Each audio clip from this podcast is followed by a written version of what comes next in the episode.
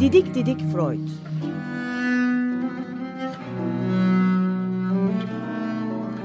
Freud'un ailevi ve tarihi romanı. Serol Teber ve Şenol Ayla.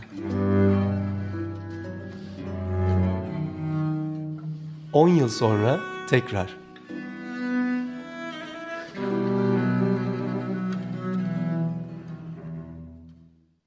94.9 Açık Radyo'da Didik Didik Freud programında beraberiz tekrar. Merhaba ben Şenolay'la. Ee, ben Serol Teber, merhabalar. Ee, kaldığımız yerden devam ediyoruz tekrar. Geçen hafta ne yapmıştık kısa bir hatırlatalım mı evet, önce? Evet, misafirimizden önce... Son Mario konuş... Levi konuğumuzdu. Mario Levi'nin nefis e, konuşmasından sonra, e, konuşmasından önce biz e, Freud'un kendi yöntemiyle Leonardo Vinci şifresini nasıl kırdığını ve e, onun kişiliğinin arkasındaki gizi bize nasıl tanımladığını e, hatırlatmaya çalışmıştık. Ve Freud orada Leonardo'nun büyük dehasının arkasında e, roman bu, son günlerde güncel olan romandaki gibi ne pi sayısı ne fi sayısı tersine babanın e, totem ve tabudan beri işleye geldiği baba metaforunun olmamasını doğrudan doğruya annesinin büyük sevecenliği, yoğun sevgisi altında e, dolu bir kişilik, güzel bir insan ve pırıl pırıl bir zekayla e, yüzyıllarda bir dünyaya gelebilen bir kişilik ve yetenekle pek çok e, büyük işleri başarabildiğini resim bunların ancak e, ayrıntılarından biri olduğunu onun ötesinde İstanbul Boğazı'na köprü yapmaktan Paris surlarının nasıl korunacağına kadar ya da işte ilk uçak modellerinden ilk havaya mancınık mancınık bir sürü e, keşifler, keşifler var. var böyle yani bir e, Milano'da Leonardo Vinci Müzesi'nin duvarları onun yaptığı eskizlerle ve önerilerle dolu. İnanılmaz bir deha, inanılmaz bir kapasite ve Freud bunu açık yüreklilikle evde otoriter bir baba e, figürünün olmamasına, Tanrı'nın uzantısı olarak bir baba figürünün veya da otoritesinin olmamasına bağlamıştı. Evet. Ee, bugün e, biz e, bunun uzantısında Freud'un yine çok sevdiği acaba şey yapabilir miyiz? Karamazov kardeşler evet. E, yani iki büyük dehayı e, Freud çok e, e, sık sık anımsar ve onların önünde sık sık saygı duruşu yapar. Bunlardan bir tanesi kendi biyografisini de e, çok benzettiği Leonardo, diğeri de Karamazov kardeşlerdir ve çalışmasını yani Dostoyevski. Yani Dostoyevski e, çalışmasının başında şöyle bir atıfta bulunur. Çok az rastlanır Freud'da böyle bir çıkış yapması. E, dünya edebiyatında hiç kuşkusuz gider başyapıt Karamazov kardeşlerdir ki e, Freud'un da e, e, başucu kitaplarından bir tanesidir Karamazov kardeşler. Hmm, Karamazov kardeşlerin de Büyük Engistör bölümü en güzel epizotlarındandır dünya edebiyat tarihinin. Bir kısaca hatırlayalım mı Karamazov e, kardeşleri? Biraz sen anlatır Çok mısın? Çok kısa birkaç cümleyle. Lütfen. Aslında Karamazov kardeşler bir baba ile oğullarının öyküsü. Ee, baba Fyodor Pavlovich Karamazov ve dört oğlu. Bunlardan üçü öz kardeşler Dimitri, Ivan ve Alyosha. Bir de e, başka bir anneden olan e, Smerdiyakov var. Bu da hatta babanın epilepsisini de taşıyan bir epileptik olan. E, Alyosha din yolunu seçen bir çocuk. Diğer üçü de babayı hem nefret ediyorlar hem özeniyorlar ve onun parasını e, parasına konmayı bekliyorlar. Bu açıdan bakınca hepsi babaya düşman kardeşler. E, öykünün bazı yerlerinde tek tek bunların çatışmaları veriliyor. Mesela Dimitri e, aynı kadına aşık babayla. Hmm, Ivan onun e, gücüne ve parasına çok hayran. Smerdiyakov da bu bizim için önemli sanıyorum bu dördüncü yarı üvey kardeşleri. Çünkü Hmm, Annesini baştan çıkardığı için çok öfkeli babasına. Çünkü bu evlilik dışı bir il- ilişki. Ve bir de kendisini köle gibi kullandığı, hala benliğini bulamadığı için babasına çok kızgın. Sonunda baba öldürüldüğünde bu kardeşlerin tamamı da bir çeşit suçlu gibi ortada kalıyorlar. Hepsi suçlu olabilir. Hepsi zan altında kalıyorlar. Ve bunlardan sadece Smerdiyakov suçlu çıkıyor ama bu bir şey değiştirmiyor. Aslında hepsinin aynı istekleri, aynı e, duyguları var içlerinde. Bu değil mi özeti? E, o kadar harika anlattın ki Şenol. Benim diyecek bir şeyim kalmadı. Tamam programımızı burada bitirirken. İstersen şimdi buna e, Freud nasıl bakmış ona bakalım. E, e, ancak çok kısa bir iki cümle katabileceğim. Yani gerçekten çok nefis toparladın. E, Freud'un buna bakışı romandan çok Freud hınzırca bir şekilde e, romanı okurken bu romanı yazan Dostoyevski'nin gözlerine bakmıştır Evet. diyebiliriz. Çünkü Freud sık sık alıntı yapar ki hınzır Dostoyevski e, bu romanı yazarken asıl baba katlinden müthiş bir haz duymaktadır der. Dört oğluna birden tam senin de söylediğin gibi toparladığın gibi dört oğluna birden baba öldürme e, duygusunu vermiştir ve aktın nasıl işleneceğini ve safhaların nasıl gelişeceğini haz içinde izlemektedir. Çünkü bizzat Dostoyevski'nin kendisi babasını, kendi öz babasını öldürmek istemektedir ve de öz babası başkaları tarafından e, öldürülmüştür ve e, Freud e, Freud e, yakalamıştır Dostoyevski'nin bu öz babasının öldürülmesine e, karşı çelişkili duygular içinde olduğunu hem çok sevinmiştir baba öldürüldü diye hem e, tabii ki biraz da e, timsah gözyaşları dökmüştür.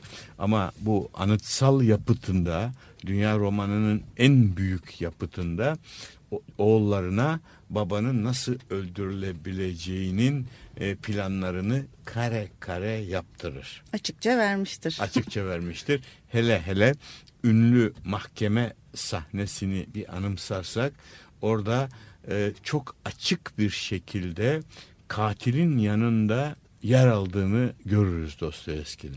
Haklıydı der yani değil mi? Haklıydı Öldürmekte. der. Öldürmekte haklıydı der. Buna devam etmeden önce bir, Bir- parça evet, dinleyelim. lütfen. Ee, Bach'tan dinleyeceğiz. Yo-Yo Ma çalacak. Bir nolu cello suite'inden birinci bölüm Prelüdü dinliyoruz. Thank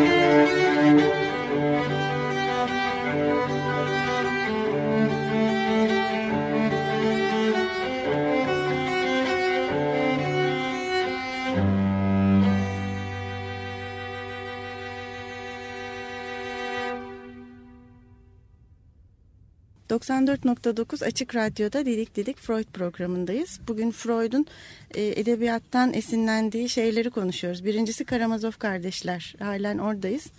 E, bunun ne büyük bir roman olduğunu, nasıl gördüğünü konuştuk. Başka neler söyleyebiliriz? E, burada şunun altını çizebiliriz belki. Freud da buna bu, bizi bu yola doğru kanalize etmiştir. E, der ki e, kendi sözleriyle dünya edebiyatında bugüne değin vazgeçilmez üç büyük başyapıt vardır. Bunlardan bir tanesi Sofokles'in Kral Oidipus, ikincisi Shakespeare'in Hamlet, üçüncüsü e, Dostoyevski'nin Karamazov kardeşler. Bu üç büyük başyapıtta da görüyoruz ki der, üçünde de oğulların ya da çocukların kurtuluşu ancak babaların öldürülmesiyle mümkündür. Ee, babaların ortadan kaldırılmasıyla oğullar tabii bu sözler hep böyle ben kriminal bir polis bilmem ne şeklinde baba öldürülmesini Tabii ki. kastetmiyorum. Bu bir metafor olarak Evet. alıyor. Aşma anlamında. Evet. Hegelci bir felsefenin şeyi. Babayı aşma. Evet. Babanın tutsağı olmama Gölgesinden anlamı. Gölgesin çıkma. en güzelini e, tanımladı. Babanın gölgesinden kurtulma anlamında bu üç yapıtta da e, oğullar babadan kurtuldukları zaman özgürlüklerine kavuşurlar. Burada uzun uzun Hamlet'i anlatır. Hamlet, e, Sofokles e, aslında bilmeden babasını öldürmüştür ama babasını kendisinin öldürdüğü kendi ha, şey bilici e, tebalı bir bilici tarafından kendisine söylendiği zaman hiç ağzını açmadan ve itiraz etmeden bu suçunu kabullenir. Yazgı ne yapalım der değil mi? Evet yazgı ne yapalım der ve böyle bir şeyin olabileceğini e, inanılmaz bir şeyle Sofokles bilgelikle e, ka- seyirciye izleyiciye e, benimsetir kabul ettirir aslında. Bu, bu mü- müthiş bir olay 2500 sene evvel yazılmış bir kitap. Öte yandan Shakespeare aynı şekilde Hamlet'i il- e, e, ilginçtir. Ba- kendi babasının Shakespeare'in kendi babasının ölümünden 8-10 ay sonra yazmıştır ve Hamlet bir türlü babasının intikamını almakta gecikir, erteler. Çünkü içinden bize sezinletir ki amcası olmasaydı Hamlet babasını öldürecekti. Evet. Ya da kendi istediği bir şeyi amcası yapmıştır ve dolayısıyla kendi yerine katil olmuş başka aynı duyguları paylaşan e, bir katili öldürmekte ham, öldürmeye Hamlet'in bir türlü eli varmaz. evet. Aynı şeyi demince e, konuştuğumuz gibi Karamazov kardeşlerde görürüz. Dostoyevski bütün kişisel defektine rağmen yani pan Slavist bir dünya görüşündedir. Çarına karşı çok büyük saygılar besler falan. Bunun kişisel biyografik bazı e, Dostoyevski'nin e, e, defektleri vardır. Bunun altı çizilir.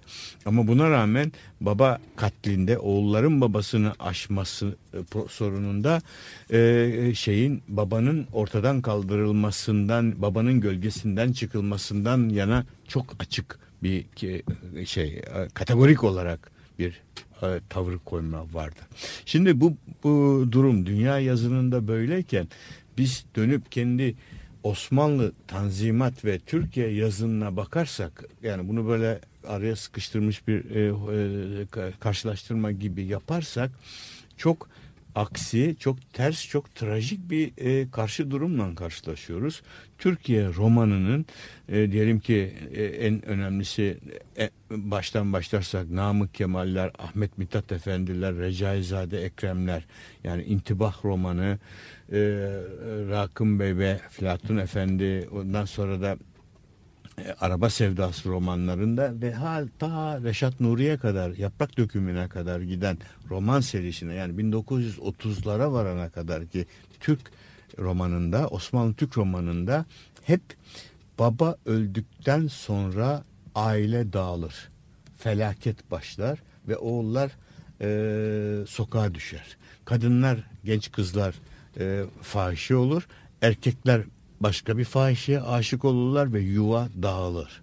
Buradaki baba metaforu bizim e, Osmanlı Tanzimat yazarlarında ve sonraki Cumhuriyet'in ilk dönem yazarlarında baba metaforu hep Osmanlı padişahının e, yıkılmasıyla yani baba padişah sultan yıkılmıştır ya da yıkılmak üzeredir Namık Kemal'lerde daha ve onunla birlikte de Türk e, insanı aile yıkılacaktır ve, ve yani. felaket dizileri başlayacaktır. Yani iki ayrı e, kültür e, ortamının dünyaya bakışı biri kurtulmak için babanın babanın gölgesinden çıkmak için mücadele verirken öbürü babanın gölgesinin bile kaybolması halinde herkesin felakete düşeceğini yazgısı e, iç, Büyük içselleştirmiştir. bir zıtlık var değil mi? Büyük bir zıtlık ve büyük bir trajedi var. Hala aşamadığımız bir e, trajedi var. Yani e, yani son yakın yıllara kadar Babaya ihtiyacımız var. babaya çok ihtiyacımız var. Yani son böyle böyle bir trajediyi ben 3-4 sene evvel Üsküdar Meydanı'nda gördüm. On binlerce insan Süleyman Demirel'in bir mitingiydi. Çok şanssız bir günümdü. Yani öyle bir şey ya- yaşamak zorunda kaldım. On binlerce kişinin baba bizi kurtar diye çığlık çığlığa bağırışını böyle live e, yani insanların yüzlerine gözlerine bakaraktan seyrettim. İnanılmaz bir şey dedim. Yani her şey müstahaktır. Laboratuvar gibiydi Laboratuvar gibiydi. Baba bizi kurtar. Bu Dostoyevski'nin zaten e, kendi yaşamında da dine bir bağlılığı var temelde ama bir yandan da hep onunla uğraşıyor, e, yıkmaya çalışıyor değil mi? Yine Freud gibi bir durumu var. Hep Evet, dinsel çok- bir bağlılığı var hep ve karşı evet, çıkışı evet, var. Oradaki oradaki çok usta bir sanatkar tarafı var işte yani. Aslında mesela Alyoçoy'la e,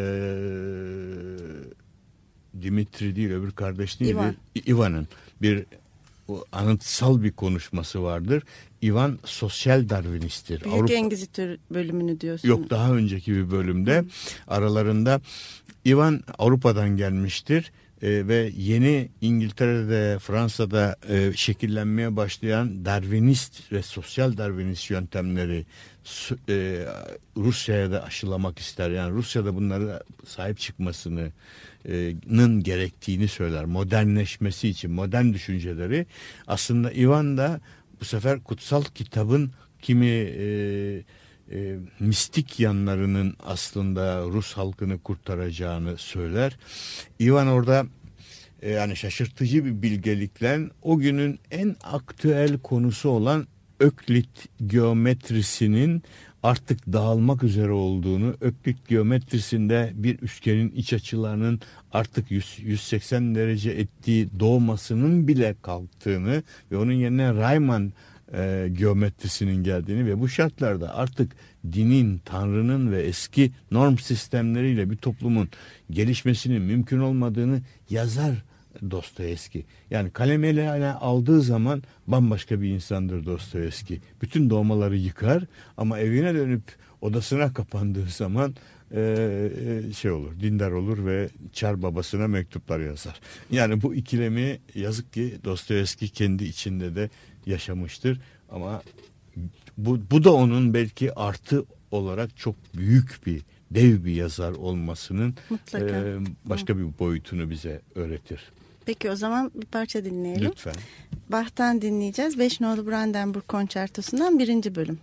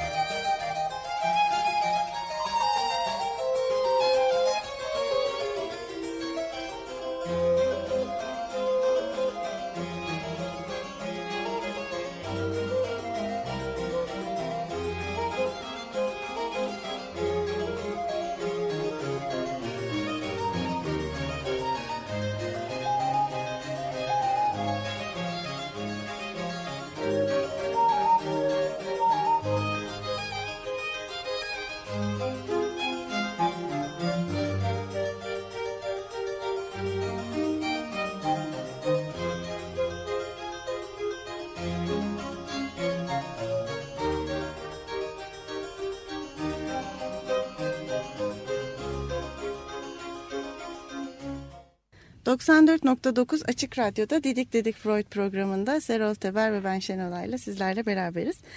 E, Dostoyevski'yi konuştuk. Şimdi gene çok etkileyen bir yazar var e, Freud'u. E, söyleyeyim mi? Tabii. e, Freud'u ne kadar etkilediğini bilmiyoruz ama Freud'dan çok etkilenmiş bir Evet, yazar daha doğru, ve de doğru. bütün e, dünyanın da o yazardan Doğru. etkilenmesi Evet, var. Tabii şey olmasın. e, Kafka.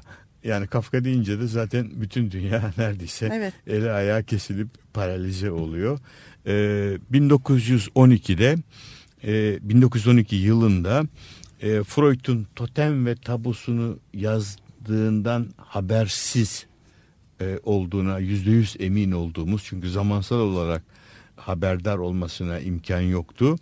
22-23 Eylül akşamı e, Kafka Kafka bütün o zamanki kişiliğinden kurtulmak için bir anlamda da babasının gölgesinden çıkmak için inanılmaz bir öngörüyle yargı atlı muhteşem öyküsünü yazar. Ve 8-10 saatlik bir zaman dilimi içinde bir oturuşta e, Kafka e, e, öyküyü bitirir ve o kadar e, katı paralize olmuş bir şekilde yoğunlaşmıştır ki öykü bitip noktayı koyduğu zaman ayaklarını açıp masanın altında ayağa kalkmakta zorluk çeker. Yani bu denli Evet, bir kıpırdamadan yazmış. kıpırdamadan ve bu kadar yoğun bir konsantrasyon içindedir. Kısaca bu öyküyü de bahsedebilir Evet misin? lütfen. Aş- Aslında bu bir anlamda da e, Kafka'nın otobiyografik bir e, kesitidir. Öykü şöyledir. Bir genç satıcı e, Prag'da bir e, satış mağazasında çalışan e, genç adam ki Kafka'nın benliğinin bir bölümüdür. Bir pazar günü oturup e, evi terk etmiş Rusya'ya evini terk etmiş Rusya'ya gitmiş. Orada da çok başarılı işler görmemiş. Pek çok iyi e, arkadaş edinememiş bir arkadaşına düğün davetiyesi yazmaktadır. Ama e, öykünün sonuna doğru biz sezinleriz ki o ki- kişi benliğinin bir bölümüyle öbür bölüm, bölümü arasında yani o iki ayrı benlik arasında konuşmakta ve yazışmaktadır. Keşke gitseydim olan kısmı belki de. Keşke, Değil mi? kesinlikle. Keşke gitseydim ve keşke bu babanın gölgesinden yıllar öncesinde kurtulsaydım. Başarısız kalmak pahasına bile olsa. Oysa ki içinde bulunduğu koşullarda bayağı ciddi bir başarılı iş adamıdır. Babası, annesi ölmüştür. Babası da elden ayaktan düşmüş, odasından çıkmaz, çıkamaz e, bir durumdadır. Loş bir odada. Yani babanın baba figürünün, baba metaforunun artık sönmek üzere olduğunu bize anlatır orada Kafka. Ee, ama buna rağmen mektubu yazar çok yavaşça cebine kor ve yavaşça babasının kapısında e, içeri girip mektuptan haberdar eder. Uzaktaki arkadaşıma bir mektup yazdım onu düğüne davet ettim diye.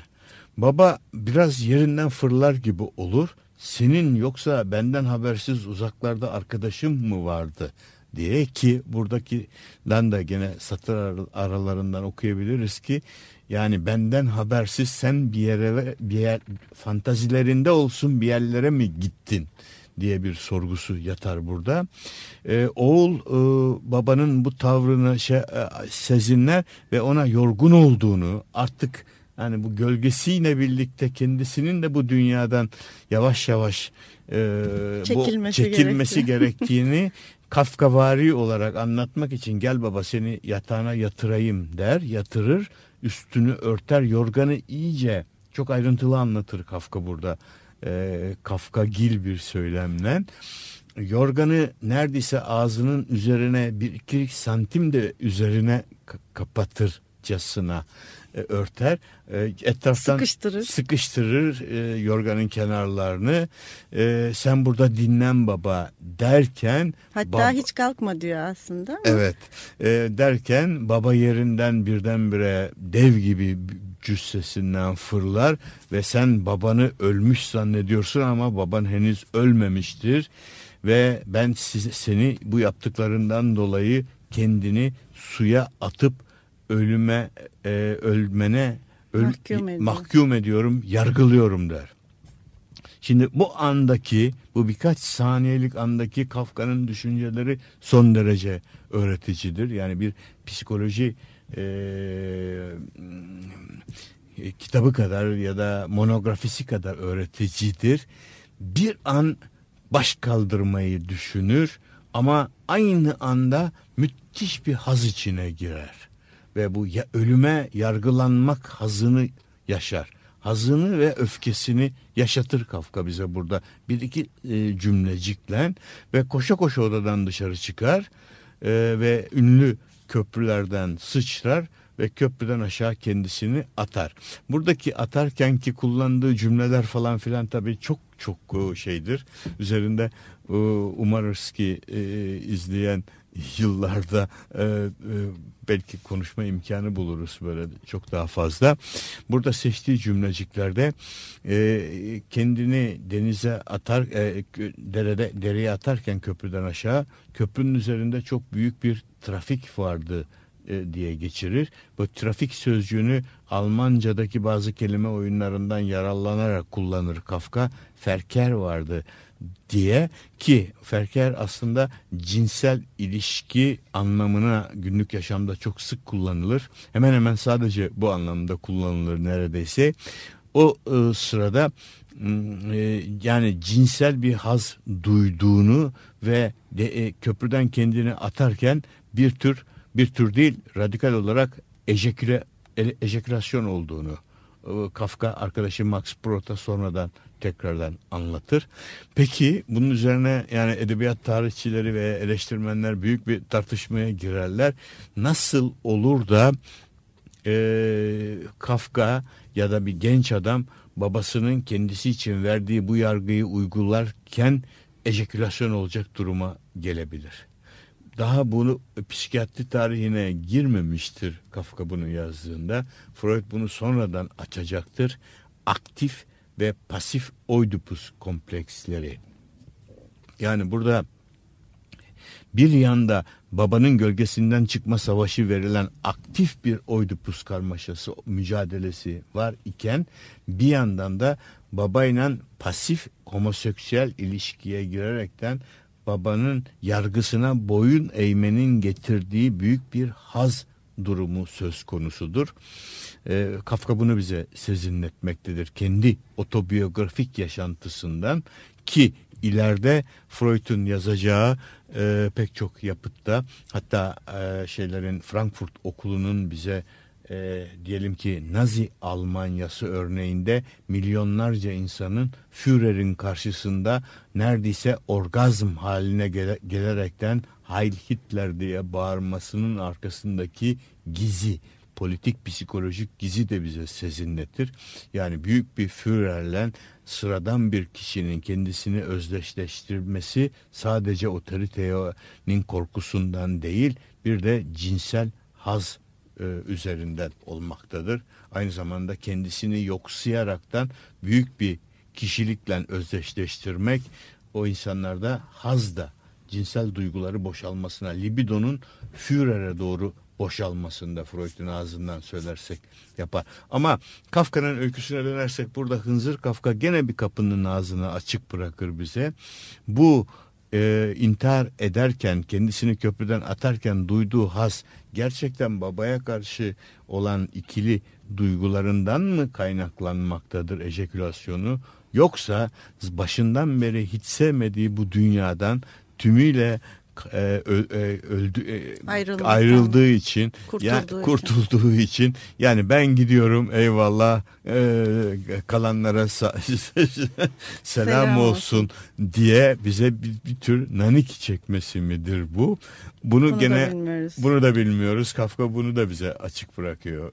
Ama yargı öyküsü Freud'un baba metaforu e, şey, e, dizisinde e, eklenecek çok mükemmel, çok güzel, çok dolu dolu bir öykü. Kafka'nın da en sevdiğim öyküm e, dediği, dediği yazılıyor öykü. arkadaşlarına. Evet, bundan sonra zaten Kafka Kafka olarak başlıyor.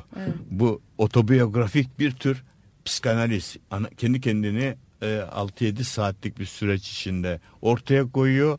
Muhteşem bir şekilde ve bundan zaten 1-2 yıl sonra da 2 yıl sonra bir şeyleri almaya başlıyor. E, Davanın ve şatonun notlarını almaya başlıyor ve arada yazacağı bir yıl Evet. öyküyü. Kafka'yı Kafka yapan öyküleri ve romanları. Şimdi bir parça dinleyelim. Mozart'tan Klarnet Konçertosu'nun ikinci bölümünü dinliyoruz.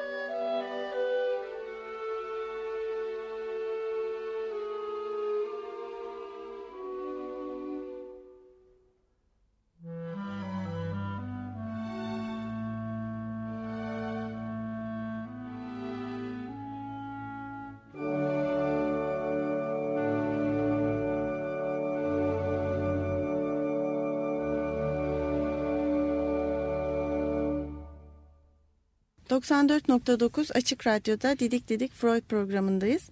E, Freud'un ilk gençlik yıllarından beri cin, şeytan, büyü gibi e, çok bilimsel açıklanamayan şeylere de ilgisi olduğunu biliyoruz. Evet e, e gene e, bu merakı yani hem kendiliğinden e, gençlik yaşlarından beri kendisinde gelişiyor hem de e, gene e, Paris'e gittiği zaman Şarko'nun yanındayken Şarko e, bazı konuşmalarında bu konuların üzerine mutlaka gidilmesi gereğini Freud'un kulağına ısrarla söylüyor. Bunların arkasındaki psikolojik gizlerin araştırılması. Freud bunu hiç unutmamıştır ve sık sık e, bunların analitik e, irdelenmelerini anlatır, söyler. Ama e, sanki bu yetmezmiş gibi 1922 yılında Viyana'da arkadaşı e, bir doktor Viyana kütüphanesinde çalışmaktadır. Tutar kendisine e, kütüphanede bulunan bu e, cin çarpmaları ile ilgili çok tipik bir dosyayı e, gönderir. Al bu konuyu e, üzere, e, oku bunun üzerine ne dersin diye. Son derece öğretici bir konudur. 1968 yıllarında yani 17. yüzyılda genellikle e, bir, 1668 pardon 1668 e, 17. yüzyılda bir şeytan antlaşması başlıklı e, yazısının yazılmasına neden olacak bir dosyadır bu. 1668'de 25 yaşlarında Christoph Hermann diye bir Viyanalı ressam e, delikanlı babasının ölümünden sonra e, melankolik ya da paranoid melankoli benzeri bir rahatsızlığa uğrar. E, rahatsızlık, hastalık göstermeye başlar. E, çaresizleşir. Günlük yaşamını kotaramayacak derecede e, hiçbir iş yapamaz hale gelir. Ve köyün papazına ya da bölgenin papazına gider. Papaz doktor arası gene bilge bir insandır. Bağnaz bir kişilik değildir. Kendisini dinledikten sonra bunun olsa olsa bir kötü ruh çarpması olabileceği gibi bir tanı kor ki o zaman bu tür tanılar koymak 1668'lerde çok da ender olmayan şeylerdir. Ee, bunu e, Viyana'nın e, 100 kilometre yakınlarındaki Maria Sağlık Evi diye Türkçe'ye çevirebileceğimiz kilise e, artı e, sağlık bakım evi e, olan bir e, yere götürür, e, gö gönderir. Sağlığına kavuşması, orada tedavi görmesi, e, bol dua etmesi, işte e, kusturucu ya da Hipokrat usulü tedavi yöntemleriyle kusturucu ve ishal e, e yapıcı ilaçlarla e, temizlenmesi. Temi, evet, bu kötü kara ruhtan temizlenmesi için ve e, süreç e, Christoph Hartmann'ın bu son derece öğretici tedavi süreci burada başlar. Hartman yaşamının bu sağlık evindeki yaşamının büyük bir bölümünü dua ederek, ibadet ederek e, ve verilen ilaçları alaraktan geçirir. Ama bir yan sıkıntıları geçmez. E, konvülsif kasılmalar, e, acılar, e, uykusuzluklar içinde kıvranmaktadır. Ettiği bütün dualar, e, ibadetler neredeyse boşuna gibidir. Günlerden bir gün ama e, kilisenin e, tapınılan bölgesinde dua ederken birdenbire gözünün önüne e, halüs her zaman halüsinasyonlar görmektedir. İsa'yı görmektedir, Meryem'i görmektedir, diğer azizleri görmektedir ama birdenbire bir şeytan görür. Ee, yani dört başı mamur diyelim bir şeytan e, görür ve ne e, e şeyse hikmetse elinde Çin'i mürekkebinden e, uygun bir kağıt vardır. Ressam e, şeytanın resmini çizer ve altına da şeytanla bir antlaşma imzalar. Ben e, Christoph Hersman e, sana e, yıllarca kölelik etmeye hazırım. Yeter ki sen beni bu içinde bulunduğum acılardan, ağrılardan kurtur, kurtar diye. Evet. Ee, ve bunu da kilise yetkililerine gösterir. Şeytan antlaşması. Ayrıca e, bize bana bile hala ilginç gelen kilisenin böyle bir antlaşmayı uygun görmesi, Onaylaması. onaylaması ve saklaması. Bunu iki türlü görüyoruz. Bir yandan kilise zabıtlarında Latince papazların tuttuğu notlarda bunun dökümü var. Öbür taraftan da ressam ayrıca Almanca günlük tutmaktadır. Biz bu günlüğü bugün bile okuyabilecek durumdayız yani. Bunlar İyi durumda. bunu, saklanmış. evet saklanmıştır.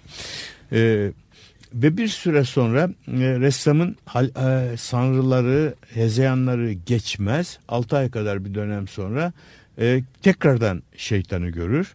Tekrardan şeytanla ikinci bir e, bu sefer et, daha etkili olsun diye parmağının ucunu keser ve kanınla şeytanın resmini yapar. Çin'i mürekkebi işe Çi- yaramadı. Çin'i mürekkebi işe yaramadı. Kanla yapılan daha da Doğru. e, bağlayıcı olsun, daha da etkili olsun diye. Ve gene altına ben ressam işte e, Christoph Hartmann seninle bağlılık yemin ediyorum. 9 sene senin kören olarak çalışmaya söz veriyorum. Yeter ki beni bu acılardan, ar, e, e, karabasanlı e, korkulardan, uykusuzluklardan kurtar diye.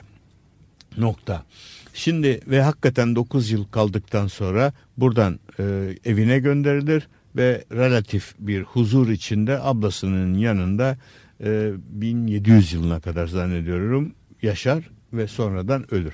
Şimdi bizim burada üzerinde tartışmamız ve konuyu açan iki tane önemli olay bu iki resmin irdelenmesidir. İki resmin analizidir. Freud burada burada asıl dev- Devreye girer. devreye girer ve dev- devreye girmeden önce de arkadaşlarına ve e, diğer panellerde provokatif bazı sorular sor. Şu iki resim vardır ve bu bir şeytan anlaşması söz konusudur. Burada e, siz e, yeni bir açılım getirebiliyor musunuz? Yani e, klasik modern tıp eğitimi veren e, e, kürsülere seslenir. Siz bu e, şey e, bu konuya bir açıklık getirebiliyor musunuz? Getiriyorsanız ben sizi dinlemeye hazırım. Getirmiyorsanız müsaade edin biz konuşalım. Ben analitik araştırmasını yapayım. Hakikaten de getirilmez. Yani nedendir bilinmez. Pek yanıt gelmez. O zaman Freud'un analizi şöyledir. Birinci resimde e, Çin'in mürekkebiyle yaptığı resimde şeytan tam da eski e, babasını kaybettiği yaşlarda 60 yaşlarında e, kelli felli, güzel giyimli, elinde bastonu, Avusturya, e, Viyana kırsal kesimin giysileri içinde e, hoş bir e, insan görünümündedir. Ama 6 ay sonra ardından yaptığı resim birinci resimle son derece ilgisiz bir resimdir. Burada şeytan boynuzlu, e, tehdit edici, insanı korkutucu, elinde sopası e, ve gene yılan kıvrımlı büyük bir cinsel organı, erkeksi cinsel organı vardır. Ama ayrıca bunların üstüne üstlük göğüsleri son derece büyüktür. Yani bir annelik ya da dişilik simgesi olan göğüsler de e, aynı şekilde vardır. Şimdi burada Freud sorar neden birinci resim babaya benzer de ikinci resim e, bize çok tipik bir şeytanı anlattırır diye. Şöyle bir açılım getirir. Çünkü birinci resim yapıldığı zaman üzerinden çok kısa zaman geçmiştir. Babanın hala e, saygı e, imgesi devam etmektedir. Ama ikinci resimde babanın bu e, imgesi kaçmıştır. Artık esas bilinç dışındaki gerçek şeytan ortaya çıkmıştır ama bu gerçek şeytan esas baba metaforunun simgesidir. Bizim içgüdülerimizin ve bizi koruyucu güçlerin simgesidir ve şeytan diye bizim ım, lanetlediğimiz şey esas ata tanrıdır. Ve bizim e, bütün ko- e, savunmamızı gönderdiğimiz gö- ve ondan çok şey beklediğimiz bir semboldür. E, ve o yeni gelen babalar ya da tanrılar tarafından geriye itilmiş bir güçtür ve biz sıkıştığımız zaman aslında yeni babaları değil eski babaları imdada çağırırız. Evet 6 Önemli. ay sonraki resmin hikmeti E, e, budur de ve bizim e, şeytan şeytan sembolü insanlarda her zaman an- esas bugünkü güncel tanrıdan çok daha e, önemli ve kuvvetlidir ve bütün şeytani arzular dediğimiz şeyler zaten bizim özlemini çektiğimiz arzulardır. Boşalmak istediğimiz arzulardır. Tatmin etmek istediğimiz arzularımızdır. Ve insanlar her zaman ya da her insan hemen hemen e, e, babaya ve e, Tanrı'dan çok şeytana güvenir. Bilinç dışı ama bunu söyleyemez. E, ama iki resme bakarak bu kadar e, çıkarsamada bulunmak için de gerçekten dahi olmak gerekiyor herhalde. Ya da ya da şeytandan işbirliği ya da yapmak. e, o- evet o da olabilir. Bunu tartışmaya tabii ki devam edeceğiz. Evet. Bu haftalık e, burada bitiriyoruz programımızı ve hoşçakalın diyoruz. Hoşçakalın.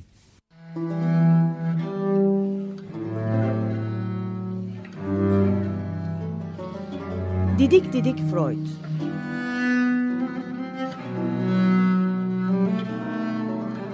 Freud'un ailevi ve tarihi romanı Serol Teber ve Şenol Ayla 10 yıl sonra tekrar.